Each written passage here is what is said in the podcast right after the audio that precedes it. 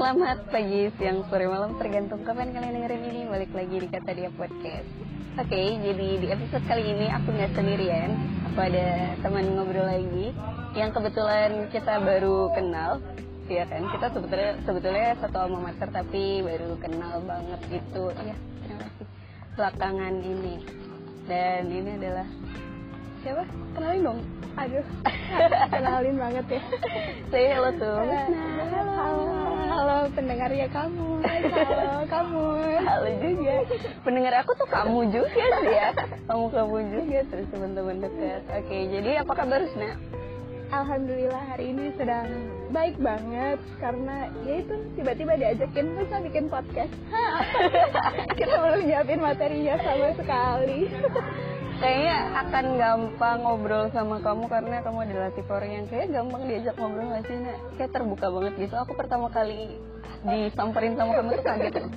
Oh iya? Iya. Kaget Itu sih karena kita belum kenal kan maksudnya ya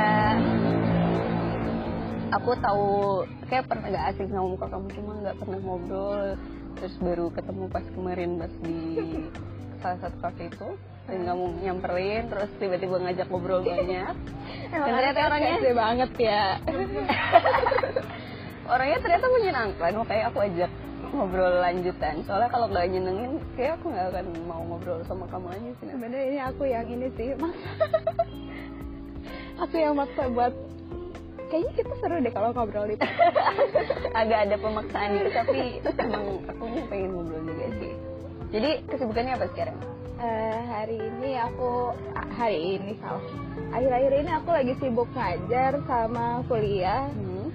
dan overthinking mungkin. kenapa overthinkingnya dibawa-bawa ya mikirin hidupnya tiap hari, tiap saat.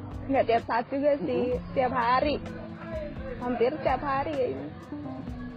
tapi seneng aja ngajar Eh, seneng lah ketemu sama anak-anak kadang tingkahnya yang uh gemesin. Karena ngajarnya anak-anak playgroup ya? Iya tapi berat yang ngajar tuh menurut aku ketika aku moodnya lagi nggak baik iya. aku harus eh, bisa switching mood aku Iya. secepat mungkin Betul. gitu biar nggak jerap ke mereka juga kan. Ya walaupun eh, ketika ketemu mereka semuanya jadi lupa aja gitu. Sedihnya lupa masalahnya jadi lupa cuma ya itu masih kayak harus beradaptasi dulu sama anak. Ya biasalah amatir amatir. Tapi sejauh ini bisa dengan mudah nge-switch mood kayak gitu? Eh bisa alhamdulillah. Tapi pernah aku ada di satu hari di mana aku mulai hari aku dengan buruk. Hmm. jadi akhirnya eh, aku berangkat ke sekolahnya izin telat dan aku bilang "Eh, teh kayaknya aku nggak bisa ngajar deh hari ini. Aku mau datang tapi aku nggak mau ngajar. Jadi aku maunya main sama anak-anak aja. Itu dibilang nggak profesional sih Aha. tapi ya daripada aku ngasih bad vibes ke Iya, mereka betul. dan kalau anak-anak kan kalau kitanya moodnya lagi nggak beres kan apa ya mereka tahu gitu loh. Entah yang makin rese Mhm. entah yang makin ngeselin entah yang gimana deh pokoknya ada aja tingkahnya emang senang anak-anak ya dari dulu? Ah enggak sih. Terus? Memilih untuk jadi pengajar anak-anak ambil apa PG PAUD. PG PAUD ya? PG PAUD. PG PAUD. Eh, itu awalnya sedikit paksaan juga dari ibu kayak udah kamu masuk PG PAUD aja. Tapi dipertimbangkan ulang. Karena saat umur 19 tahun ya Mhm. karena aku lulus umur 19 tahun eh, sebelum itu aku udah ditanyain kamu setelah ini mau ke mana? Setelah ini plan kamu untuk hidup kamu tuh mau kayak gimana? Aku bilang aku belum tahu. Kenapa belum tahu? Ini kamu udah mau lulus. Kalau kamu masih belum tahu juga kayak parah banget sih gitu. Akhirnya aku mikir eh, kalau aku nggak kuliah gimana? Ya kalau nggak kuliah plan kamu ke depannya apa? Hmm.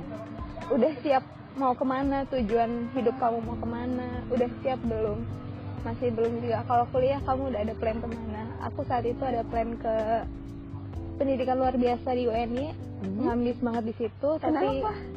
karena aku suka bahasa isyarat Tapi kan eh, pendidikan luar biasa bukan cuma soal bahasa isyarat kan maksudnya keterbelakangan iya gangguan mental juga Eh. lebih ke sana sih.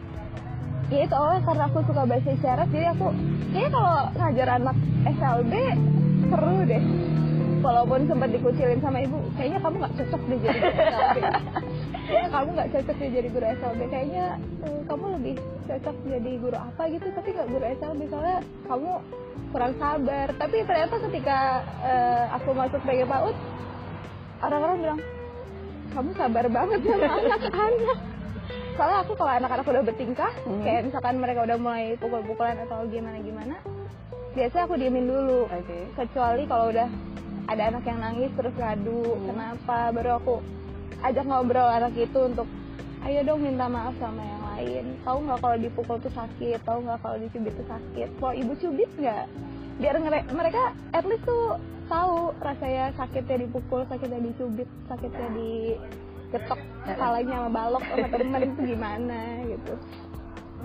Berarti sejauh ini anak-anak mah bisa kamu handle dengan baik. iya Belajarnya dari mana? Dari pengalaman? dari pengalaman Dari lapangan? dari lapangan benar-benar karena eh, istilah teori nggak sesuai di lapangan tuh emang bener ya Iya betul. tapi kalau kita di lapangan tanpa teori juga Buta ya? buta juga gitu kayak ini gue mau ngapain ya sama anak-anak itu aku pernah ngalamin itu sih kayak gimana sih harus bangun chemistry sama anak-anak sampai akhirnya Husna yang tadinya nggak suka ngeplay Coco Melon gitu dan lain dan lain-lain itu akhirnya ke play juga tuh playlist itu tuh.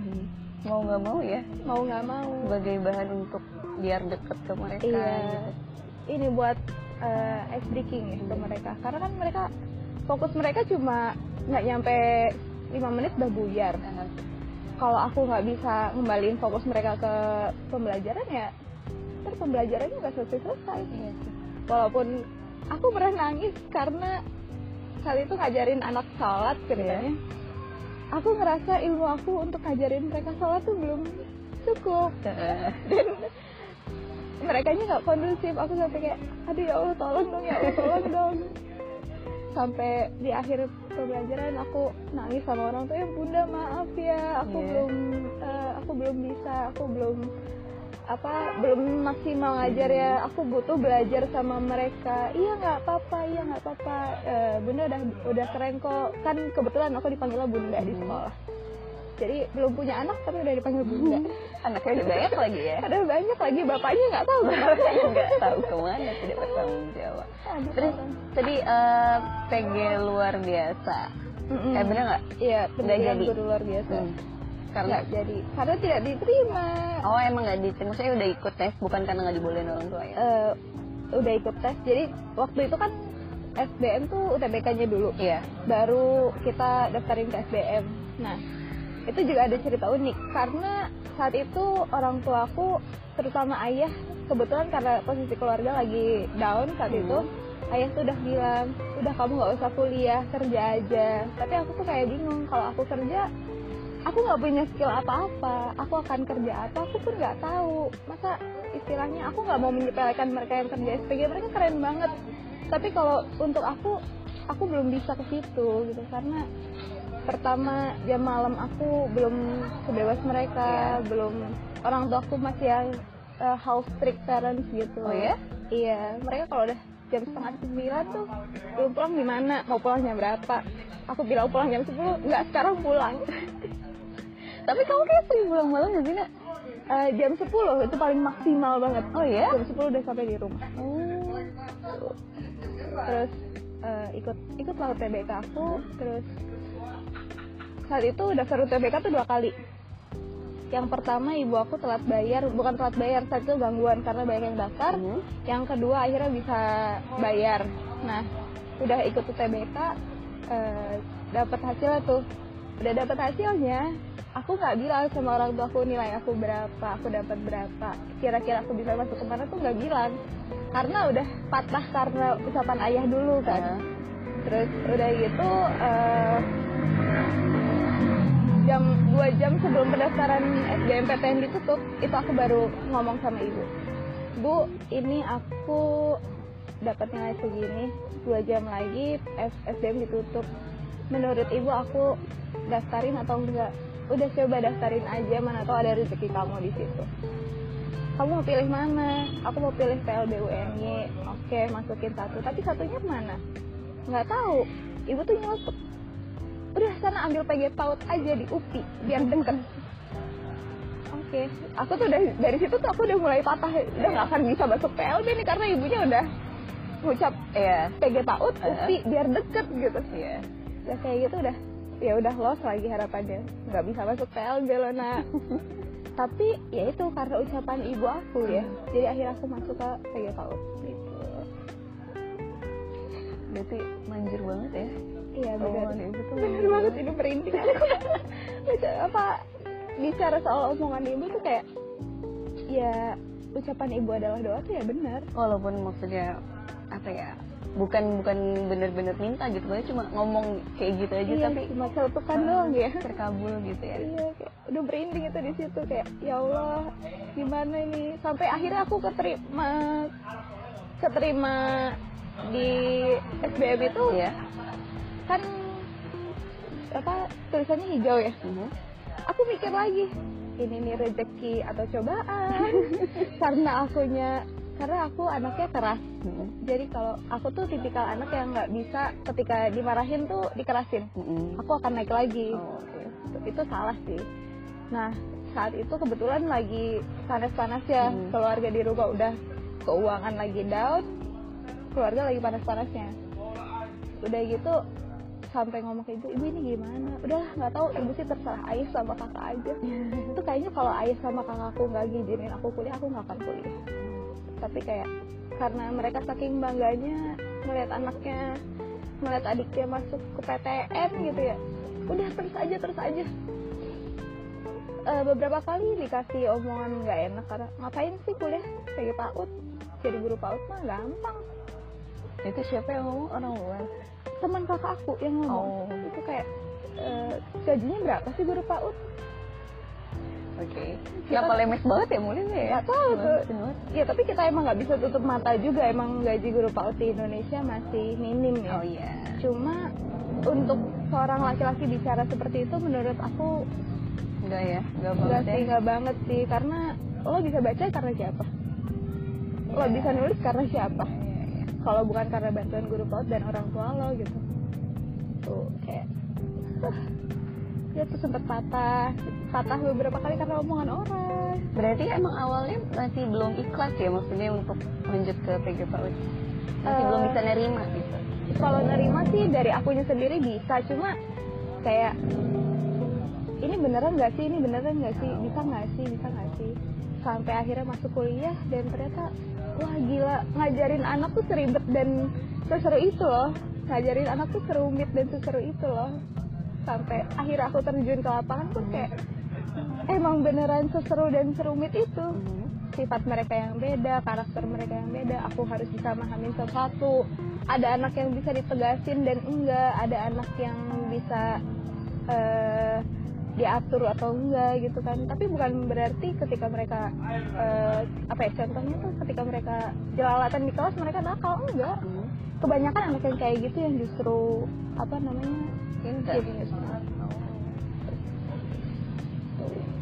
Berarti sekarang umur 20 Mau OTW dia 21 Iya. menuju legal age. Iya. Bentar lagi nih, eh, berapa hari lagi ya? Berapa hari lagi? Tanggal berapa sih, Nak? Oktober ya? Aduh, aku harus nyebut nggak? bulan depan. Oh, November ya? Iya, bulan depan. Kalau aku sebut harus ngasih kado nih. ya udah, gak usah. Sebut, sebut, sebut tanggal berapa ya? Eh, tanggal 9 November. 9 November ya. Bentar lagi sih. Gimana?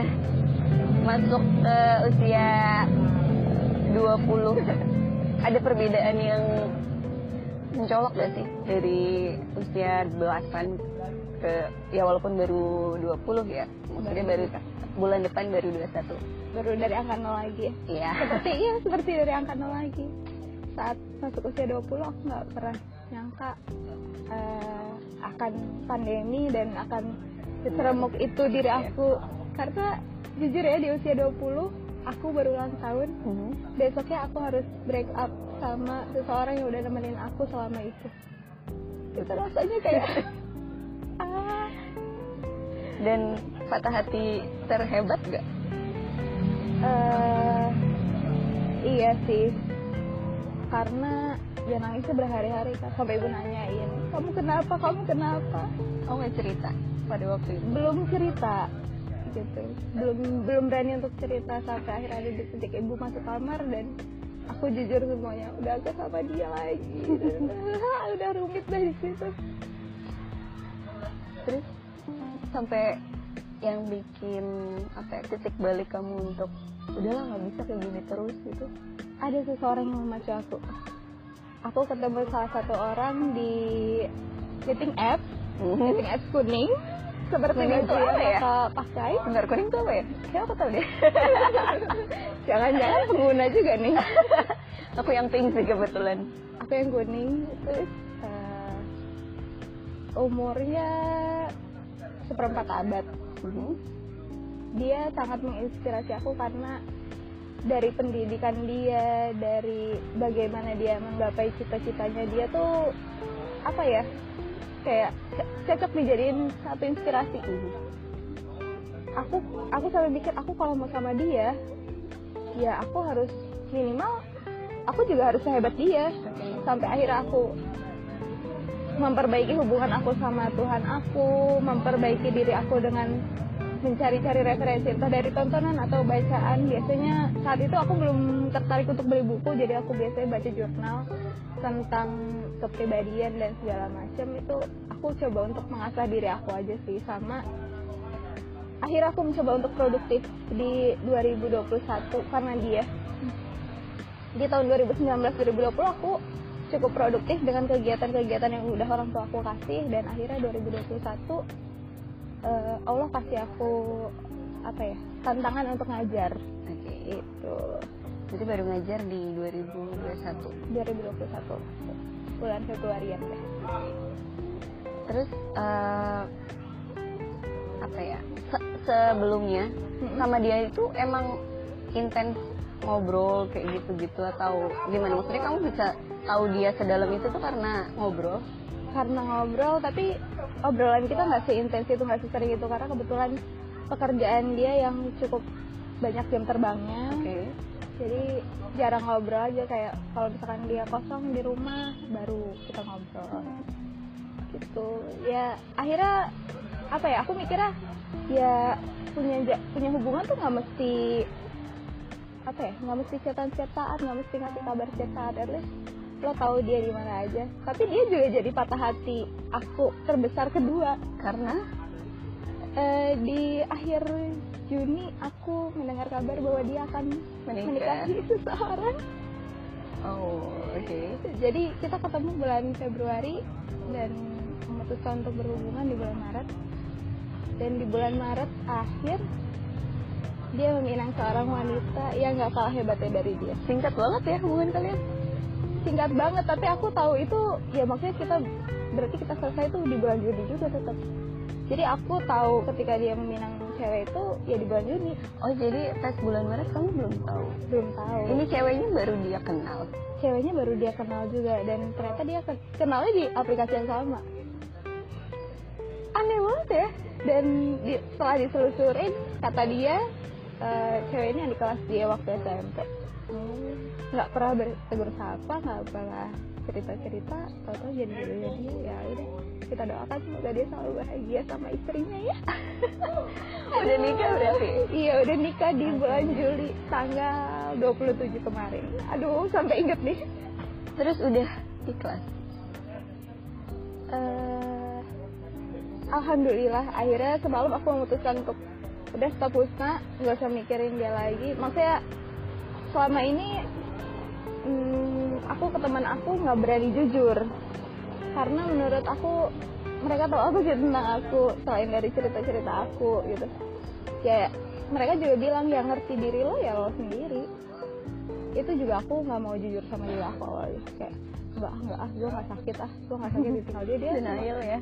dia cuma beberapa saat doang kok nggak nyampe setahun gitu tapi antara patah hati pertama sama patah hati kedua yang aku rasa tuh ketika aku ada di patah hati kedua tuh jauh lebih tenang. Karena yaitu aku sudah memperbaiki hubungan aku sama Allahnya dulu. Jadi aku bisa bilang ketika kamu memperbaiki hubungan kamu dengan Allah Allah juga akan sayang sama kamu gitu.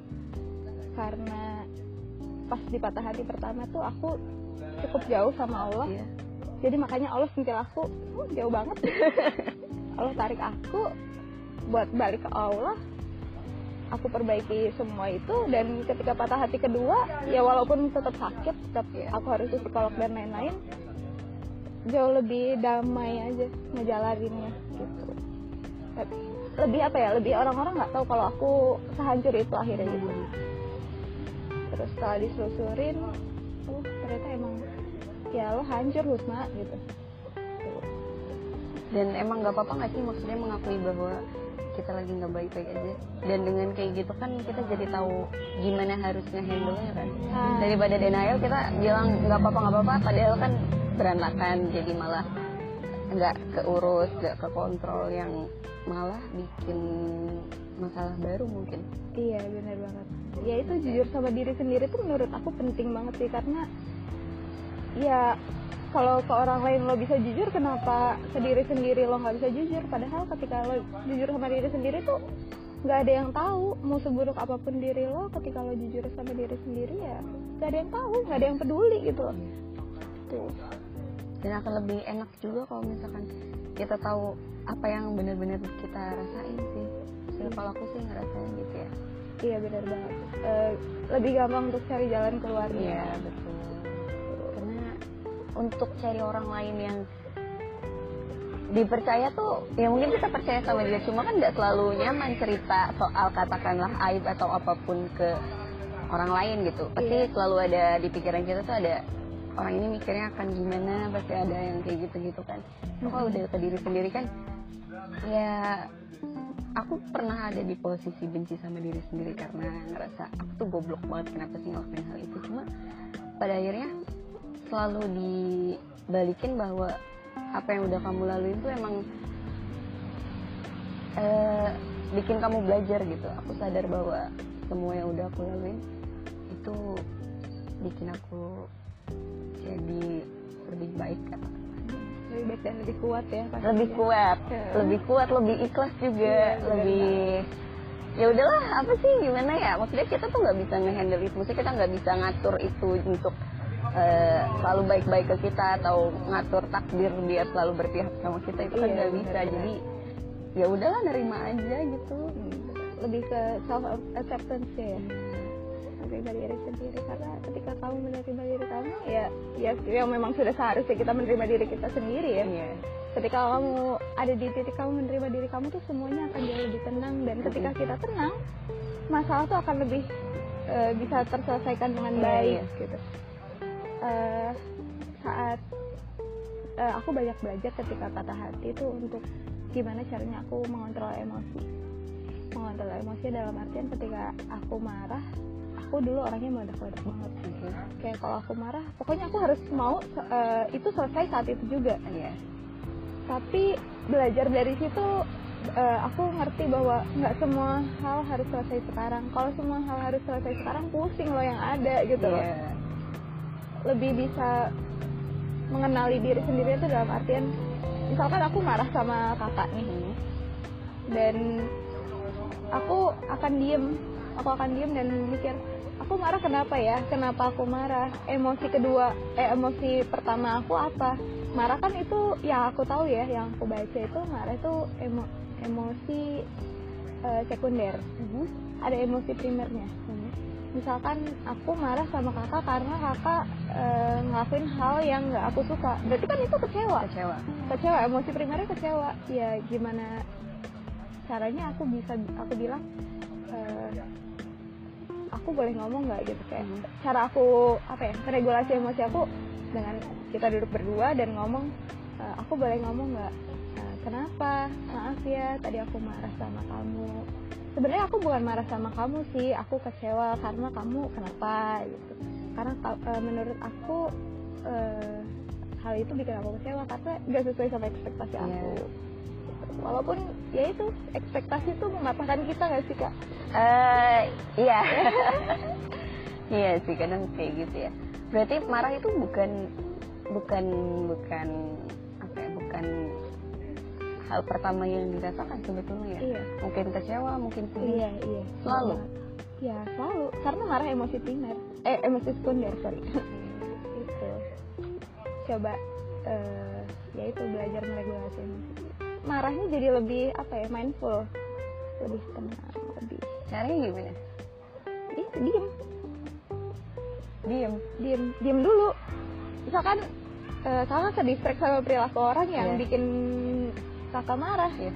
Ya entah karena itu orang itu malu-maluin Mhm. entah karena orang itu melakukan hal yang bikin kakak kecewa ya pasti ada emosi primernya coba nanti kakak belajar deh untuk meregulasi emosi.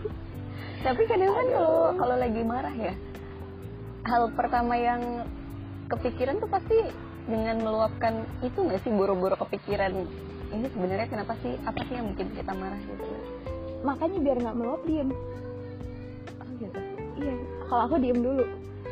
Ya entah aku ngediamin orang itu 2-3 hari atau berapa jam. Biasanya aku sih eh, alhamdulillah sekarang udah bisa eh, berjam-jam. Maksudnya nggak berhari-hari. Udah bisa berjam-jam aku sadar kalau harusnya aku nggak marah sama orang itu. Dia ya aku marah karena aku kecewa sama dia tapi nggak harus aku marah karena itu ya eh, hidup dia itu pilihan dia. Aku nggak bisa terus campur atas apa yang dia lakuin ke aku dan apa yang aku harap dia lakuin ke aku gitu jadi eh, kalau aku emosi entah sama orang rumah pun aku diem kalau sama orang rumah mungkin agak susah karena eh, mereka akan terus mancing kita untuk cerita dan iya ngomong. untuk cerita padahal belum saatnya untuk cerita Hmm. karena kakak pernah ngerasain gak sih eh, marah itu cuma buang-buang emosi doang? Mhm.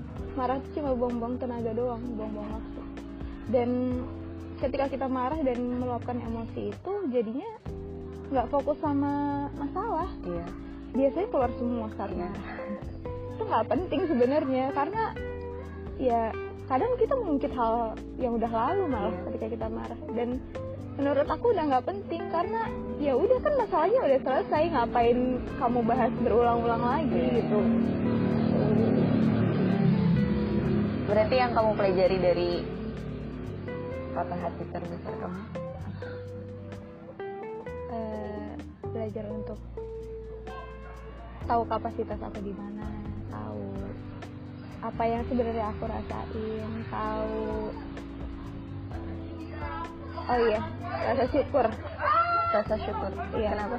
Bersyukur karena orang itu udah ngasih pelajaran ke kita sedikit banyaknya, entah pelajarannya itu baik atau buruk ya kita belajar dari pengalaman kita juga gitu, nggak cuma denger dari cerita orang kalau kata temen aku, kita tuh belajar nggak cuma dari cerita orang, kadang kita harus Allah tampar untuk kita belajar juga loh dari masalah kita. Kan ada orang bilang eh, pengalaman itu datangnya dari mana aja termasuk dari cerita orang. Tapi kadang kita suka lupa kalau dari cerita kita juga itu pengalaman yang berharga banget buat diri kita gitu. Patah hati mengubah orang nggak sih Nak? Eh, iya. Sar- eh, bisa dua hal ya yang diubah gitu. Jadi lebih baik dan lebih buruk. Kalau kita masih belum bisa menerima sama patah hati itu sama rasa patah hati itu rasa sakit itu kita bisa aja ngelakuin hal-hal negatif. Maaf Obat. obat seks bebas. Self ya harm dan lain sebagainya. Cuma ya ya walaupun aku pernah hampir suicide ya. Karena itu? Iya, tapi aku pikir-pikir lagi kayak kalau lo berakhir sampai di sini, orang tua lo gimana nanti? Pertanggungjawaban orang tua lo di akhirat gimana nanti? Mereka apakah mereka tidak mendidik anaknya sampai anaknya hampir suicide gitu?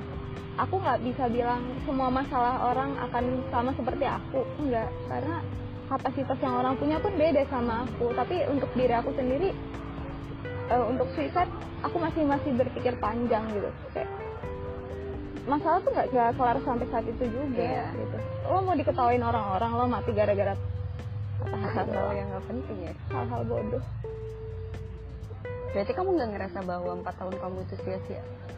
Enggak karena dia ngasih pelajaran banyak ke aku. Kadang yang susah diterima tuh kayak kita udah bertahun-tahun sama dia.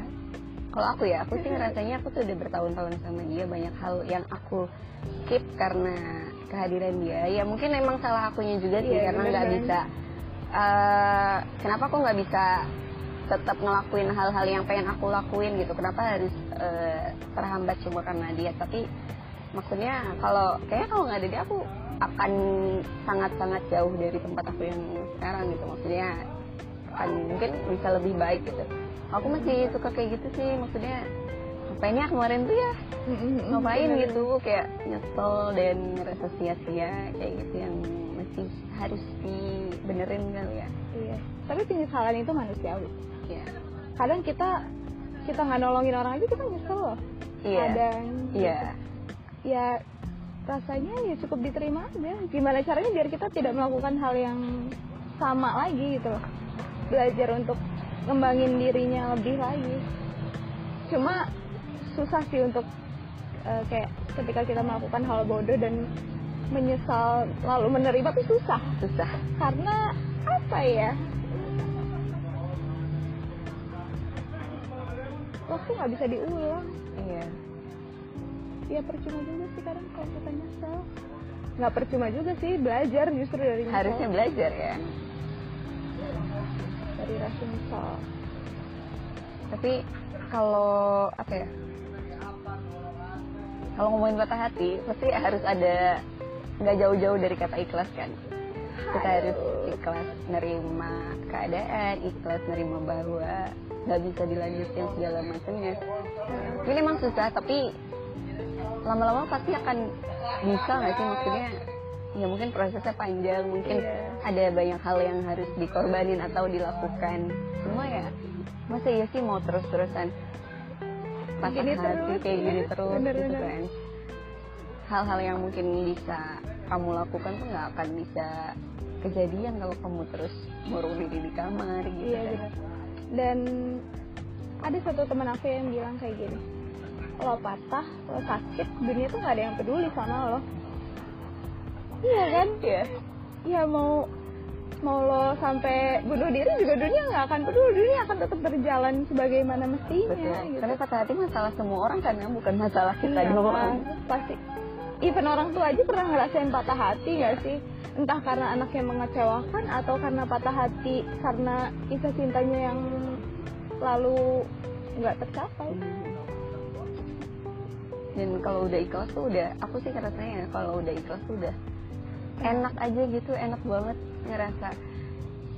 Yang dulu ngeganggu kita tuh sekarang udah bukan hal yang penting lagi gitu. Jadi aku bisa ngeliat ini sebagai oh gini doang nih. Kayak gitu aku gitu ya Allah enak banget. Kalau udah ikhlas tuh kayak tenang tenang terus nggak ngungkit-ngungkit yang udah gitu. Ya walaupun susah juga sih. Maksudnya prosesnya juga lama ya. Iya ya.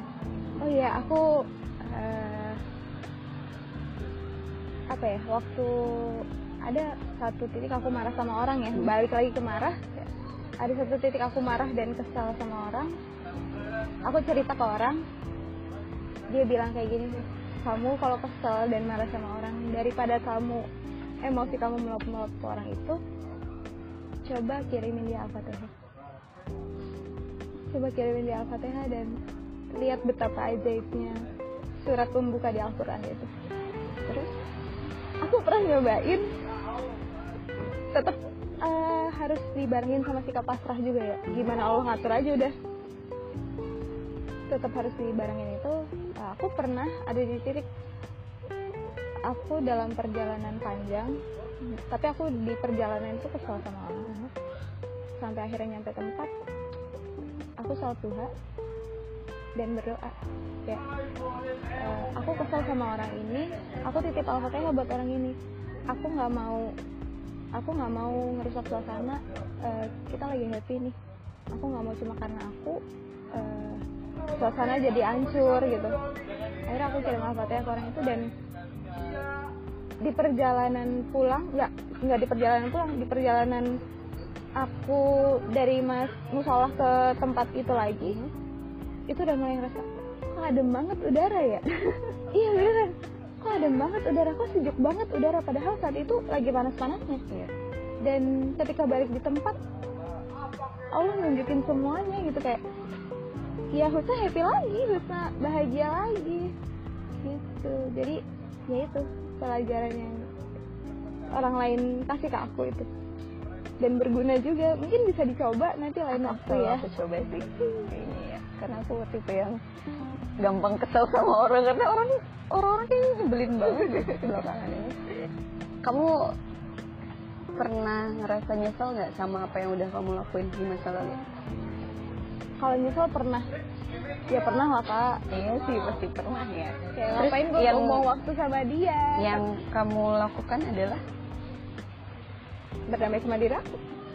Terima rasa itu gini kayak kalau kita nyesel ya kenapa kita harus nyesel? Nyesel tuh gunanya buat apa? Mau terus-terusan nyesel sama apa yang udah kita lakuin emang? Nggak akan mengubah apa-apa juga sih kan udah lalu namanya juga. Iya gak sih? Tapi itu mempengaruhi masa depan kita nggak? Enggak lah. Sama sekali.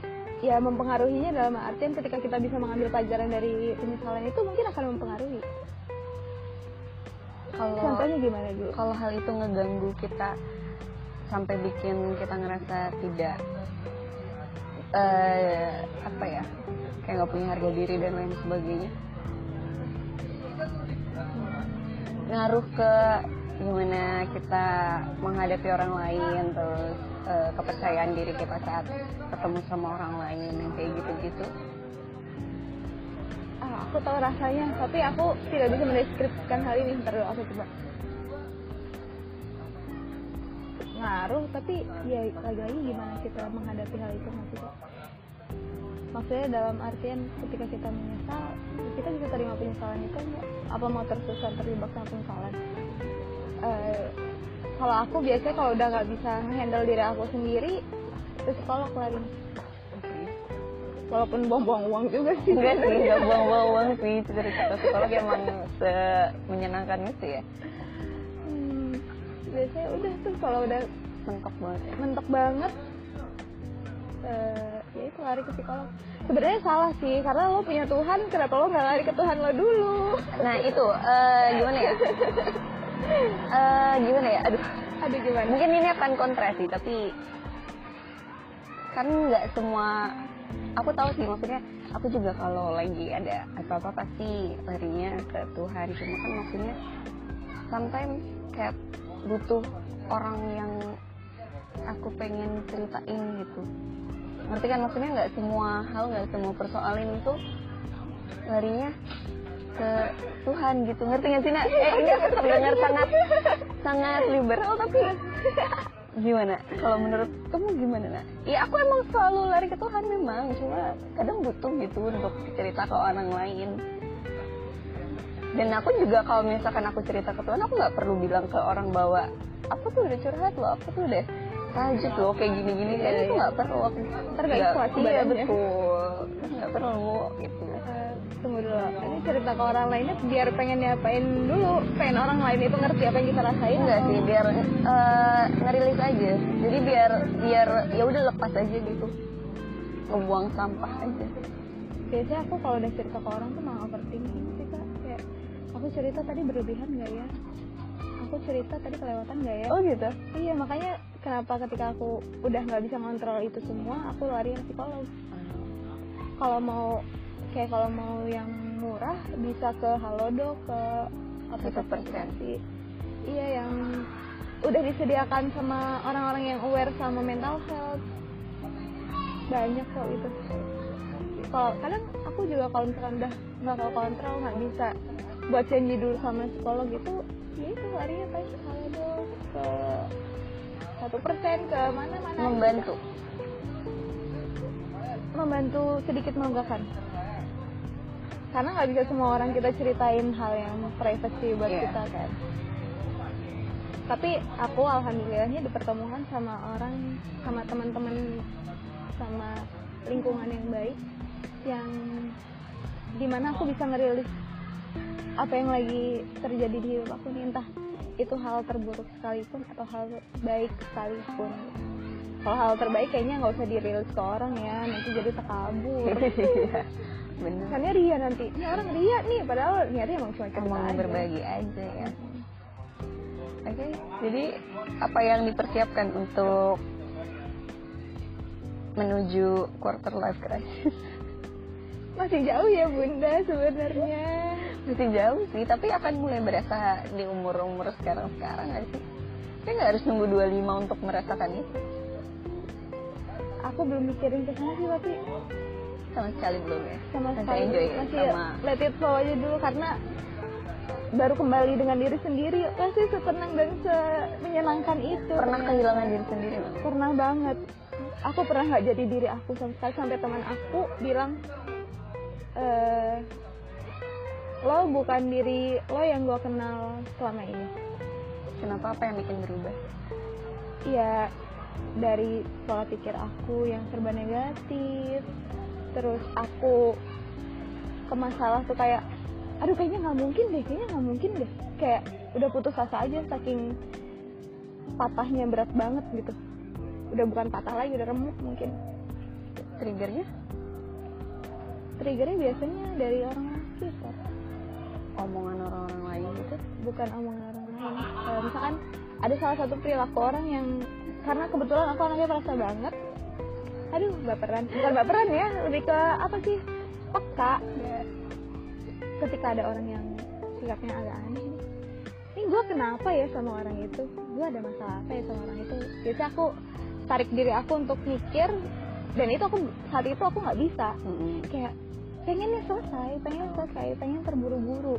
Sampai aku berkali-kali minta maaf ke orang itu dan orang itu bilang jangan gitu lo malah bikin gua ngerasa jadi apa ya jadi nggak enak sama lo jadi makin kesel sama lo. Jadi jadi akhirnya oh aku cerita ke teman aku. Dia ngingetin kalau nah lo tuh orang yang menginspirasi gue dalam hal apa pun dari pemikiran lo yang positif kemarin dari bagaimana lo berusaha memperbaiki hubungan lo kemarin sampai lo tuh nggak cuma mengajak diri lo tapi lo tuh mengajak orang-orang sekitar lo untuk udah cukup gue aja yang sakit. Jangan lo kita bareng-bareng perbaikinnya gitu. Ya apa ya dari situ aku mulai termotivasi oh berarti gue udah jauh banget nih sama diri gue sampai ada orang bilang kayak gitu. Ya itu sih kayak ketika ada orang aku suka dikoreksi Hmm. karena ketika aku dikoreksi de, entah hal baik atau hal buruk akan aku ambil pelajarannya. Kalau hal buruk aku akan mikirin itu lagi dan kenapa ya gue kok bisa gini? Ya itu lari ke psikolog lagi. Anak psikolog anak psikolog. Pantas positif ya. Enggak. Tapi kehilangan diri sendiri tuh bagian dari patah hati ya sih nah kalau aku ngerasain gitu tau kayak ngelihat aku yang dulu kayak produktif terus positif vibes terus ngelihat aku yang sekarang. Kenapa sih jadinya sehancur ini? Produktif kayak atau pura-pura menyibukkan diri nih produktif produktif nih. Beneran, Beneran. bukan Pada waktu itu ya? menyibukkan diri nih enggak enggak. Aku bisa klaim enggak sih? Kalau sekarang ya mungkin pura-pura menyibukkan diri biar lupa sama salah persoalan-persoalan. Heeh. Hmm, kadang bikin sedih tuh kayak aku tuh pernah ada di titik yang bikin bangga orang lain. Maksudnya orang lain tuh senang sama aku Iya, iya, terus iya. tiba-tiba akunya kayak gini kayak ngerasa kehilangan aja sih. Dan sedihnya tuh banget. Hmm, ya, ya sedihnya yang bisa rasain cuma diri sendiri lagi ya. Nggak bisa dirilis ke orang lain lagi kayak apalagi ketika ada orang yang ngomong itu kayak aduh makin overthinking gitu kayak wah berarti gue lari sama diri gue tuh jauh itu Iya. sampai ada orang yang berani ngomong tuh jadi kan dirasain sama orang lain juga kan Mm-mm. perubahannya itu udah parah banget berarti ya larinya sampai orang lain ngerasain hal itu iya kan Lumayan. kalau misalkan aku nih anaknya pandai ber pakai topeng ya tapi mungkin menurut orang-orang sekitar aku enggak lah juga mungkin orang-orang dekat juga tahu kalau kamu lagi pura-pura kali. Ibu sih biasanya. Iya. karena ibu aku tuh sih aku tuh anak yang jujur aku anak yang nggak bisa bohong. Nggak bisa bohong. Kayak kalau udah ibu ngomong nih udah tuh udah cerita semua udah tuh. Sampai seburuk-buruknya aku ibu tahu gitu. Even yang aku kira ibu nggak akan tahu ibu tahu juga ternyata gitu pelajaran terbesar dalam hidup. Ikhlas ah aku pernah ngomong gini sama temen aku. Ternyata hidup tuh simpel ikhlas sabar pasrah. Itu susah. Tiga-tiganya susah banget. Simpel hidup tuh kalau lu mau enjoy ya udah. Ikhlas ikhlas sama apa yang udah Allah kasih sama lo? Mau itu baik mau itu buruk ya ya namanya Allah ngasih mah nggak mungkin buruk dong. Pasti ada maksud tertentu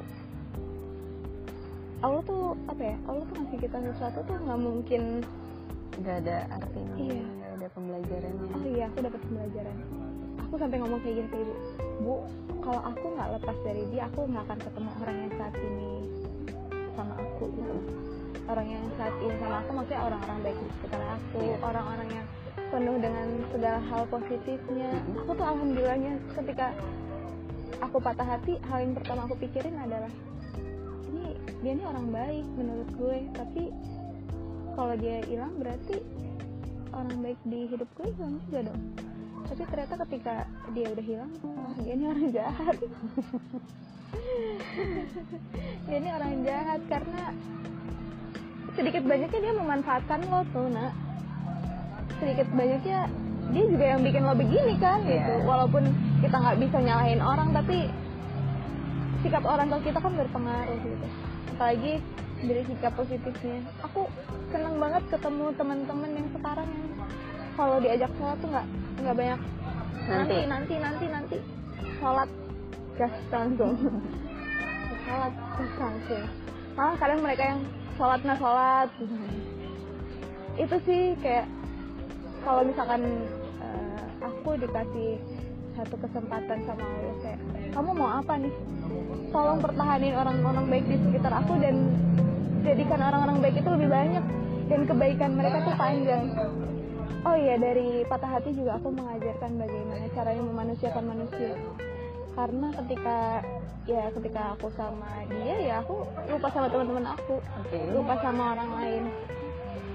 Dan aku kayak baiknya aku ke dia doang jadinya gitu. Ke teman-teman aku enggak ya entah teman aku ngerasain ini atau enggak tapi menurut aku iya. Eh, pembelajaran besar di hidup aku itu bagaimana cara memanusiakan manusia. Contoh kecil kakak mau tahu? Kita lagi di coffee shop nih biasanya ini eh, ketika kita selesai minum iya. akan kita tinggalin gitu aja kan? Padahal kita bisa dengan mudahnya menaruh ini ke tempat sampah atau mengembalikan gelas yang udah kita pakai ke eh, ke bar ke bar Iya, itu. ke bar iya. ke maksudnya ke service lah ya. Iya intinya itu. Si itu itu apa ya? Itu hal baik menurut aku karena ini nggak tahu ya aku ini nggak tahu ini nyambung atau enggak itu hal baik menurut aku karena kita tuh meringankan pekerjaan orang lain. Meringankan apa ya? Kita nggak tahu mereka lagi ada masalah apa nih di dalam gitu ketika kita naruh itu mungkin mereka yang lagi ngobrol tuh bisa jadi cair sedikit karena Iya. eh kak makasih. Eh kak nggak nggak usah repot-repot. Aduh biarin aja di situ. Padahal menurut aku ya masih kan juga sibuk masih juga kan capek gitu. Harus ngelayanin orang harus yang kadang dia juga sama sebenarnya. Eh, dia lagi nggak baik-baik aja tapi dia harus tetap nyapa Iya, betul. customernya gitu. Terus aku mau cerita satu pembelajaran yang dari abang Gojek ini. Aku jalan sama abang Gojek perjalanan pulang ke rumah dari satu kedai kopi. Yang kemarin itu yang di story. Mm-mm. Eh, ah bukan sebelum itu. Beda lagi? Beda lagi. Eh, dia ngajarin aku tentang betapa aja doa. Aku sedikit ceritanya di sini kita sejam nih cerita. Dia bilang gini hmm, eh, lagi di jalan aku main hp terus dia tegur neng jangan main hp ya kemarin ada yang jambret eh, kejambret cewek sama cowok lagi pacaran dia cerita cerita ya udah bang abang mau temenin aku cerita nggak? Biasanya kan gitu kan aku Hmm. emang anaknya SKSD sih terus kenapa neng? Eh, ya aku sih yakin sih kalau abang Gojek tuh punya pengalaman hidupnya masing-masing. Karena aku aku percaya kalau aku belajar tuh nggak mesti dari sekolah dari cerita orang pun aku akan belajar. Bener banget neng. Kita tuh nggak boleh nganggap remeh satu pekerjaan orang karena dia cuma abang gojek doang. Mungkin yang orang lain ah apa sih lo cuma istilahnya kurir orang ya Iya. nganterin orang? Nggak mungkin cerita lo sehebat itu. Dia cerita kayak gini.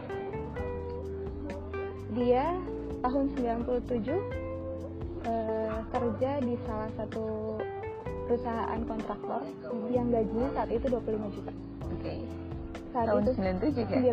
97 itu udah berapa kali lipatnya sekarang kan? Iya. dia bilang saya bisa neng beli mobil sebulan satu saat itu. Tapi saya mikir ini kerjaan saya banyak mudorotnya ya entah mudorotnya dari mana dan lain sebagainya. Itu dia bilang kayak gitu. Saya ngerasa nggak tenang kerja di situ. Terus dia bilang saya mikir untuk memutuskan eh, untuk keluar dari perusahaan itu. Mhm. Nganggur dong dia. Dia nganggur tiga bulan. Terus udah gitu dia masuk ke salah satu perusahaan di Cirebon. Tadi dia di Jakarta pindah ke Cirebon untuk cari kerja ceritanya. Keterima di salah satu perusahaan provider. Ya. dan dia bilang saya gaji di situ cuma 4 juta. Neng kebayang nggak dari 25 juta ke 4 juta. Dan di 4 juta itu saya udah dimarah-marahin ditetek mengaikin dia istilahnya dibego-begoin sama Iya, orang pasti. sama atasan. Aha. saya bilang saya ngadu sama Allah. Kok saya nggak lepas yang haram dapat yang halal kok malah kayak gini sih? Gimana ya Allah? Udah tuh dia berdoa tiap malam. Agak maksa sih neng katanya akhirnya dia memilih untuk keluar lagi dari perusahaan itu. Satu tahun dia nganggur eh, dia ngelihat anak-anak jalanan. Ini kasihan banget anak-anak jalanan mereka gimana? Dia mikirin sisi kemanusiaannya ya. Sampai dia akhirnya ngajar anak-anak jalanan awalnya. Buka les matematika. Ngelesin matematika sama anak jalanan terus saat itu muridnya cuma lima orang dan satu bulan cuma dibayar dua ribu Oke. dia doa lagi dong Eh, makasih ya Allah semoga ilmunya berkah ya Iya. intinya dia saat itu cuma bisa berterima kasih sama Allah terus makin lama makin lama kok dia rasa uang yang 25 juta sebulan yang dia dapat di pensiun eh di perusahaan yang waktu itu makin habis Mhm. dan anak-anak yang les sama dia pun kayaknya makin banyak yang bermobil katanya. Masa saya 20.000 ribu? Akhirnya dia mikir lagi masa saya cuma 20.000 ribu? Anak-anak saya pakainya mobil. Ah nggak bisa nih nggak bisa. Akhirnya ada eh, pikiran untuk gimana caranya dia bisa dapat penghasilan dari situ. Saya naikin naikin naikin sampai sekarang 100.000 ribu sebulan. Wow itu berapa tahun bang? Hampir 13 tahun. Dan Neng tahu sekarang saya punya murid berapa? Cuma 400 400 ya. Cuma 400 Cuma 400 anak kata dia. Hah? Cuma 400 kata aku. Cuma pak, cuma itu 400 Iya Neng cuma 400 Eh, Kok bapak bilang cuma? Ya karena kan masih maksudnya masih istilahnya menurut dia ya mungkin kapasitasnya masih sedikit. Tapi Neng bisa bayangin nggak apa yang saya dapetin sekarang sama eh, apa yang saya dapetin dulu besaran mana ya dapat sekarang dah. Mhm. dulu cuma 4 juta sekarang Allah ganti 40 juta. Iya. Terus kita jalan-jalan-jalan sampai di rumah. Bentar ya saya mau ngomong. Saat udah nyampe di rumah aku Iya. dia ngomong "Eh, gini kita analogikan eh, ini pakai matematika 2 per 5 kalau di total itu kurang dari satu atau lebih dari satu Eh, kurang dari satu ya? Iya, kurang dari satu. Kita analogikan si dua ini adalah eh, rasa syukur kita ke Allah dan lima ini permohonan kita. Oke. Kalau permohonan kita lebih banyak dari rasa syukur kita, kira-kira permohonan kita lebih banyak terkabul atau enggak? Eh, enggak. Enggak lah, karena sedikit Iya. ya rasa syukur. Aha. Coba kalau duanya Neng ganti, rasa syukurnya yang Neng banyakin, permohonannya Neng kecilin. Neng lagi butuhnya apa dulu nih yang mendesak? banyakin rasa syukurnya neng bilang sama Allah ya Allah aku butuh ini. Kira-kira akan lebih cepat terkabul nggak? Iya. Iya kan? Karena hasil 20 per 5 jadinya empat. lebih dari satu. Iya. Jadi Allah akan ngasih kita hal yang lebih banyak. lebih mungkin lebih dari apa yang kita butuhin Pengen. lebih dari apa yang kita pengen gitu.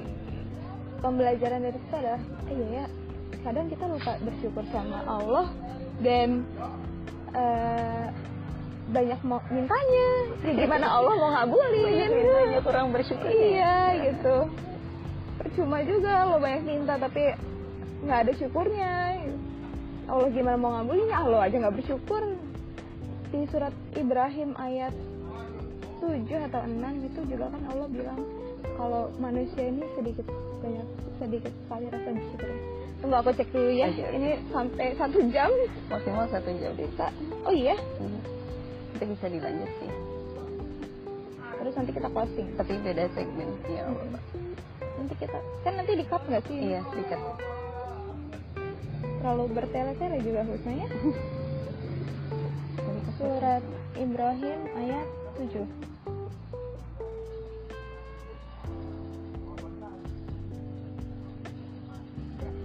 Allah bilang katanya kalau jika kamu bersyukur niscaya aku akan menambah nikmat kepadamu. Kayak ya dari apa yang bapak itu ceritain ya kita bisa ambil kita bisa cocok logikan sama surat Ibrahim ayat 7 kalau kita bersyukur ya Allah akan. Menambah yang lebih Iya, banyak lagi tapi kadang manusia suka lupa bersyukur. bersyukur. Banyak kita lupa bersyukur. Betul. Ya udah segitu aja. Makasih saya udah nemenin dan ini banyak banget yang bisa aku ambil dan aku terapkan sih poin-poin yang kamu sampaikan dan moga-moga bermanfaat juga buat yang dengerin. Amin. Dan terima kasih yang udah mau dengerin. Eh, nanti kita ketemu di next episode. Bye bye. Bye. Ini kepanjang.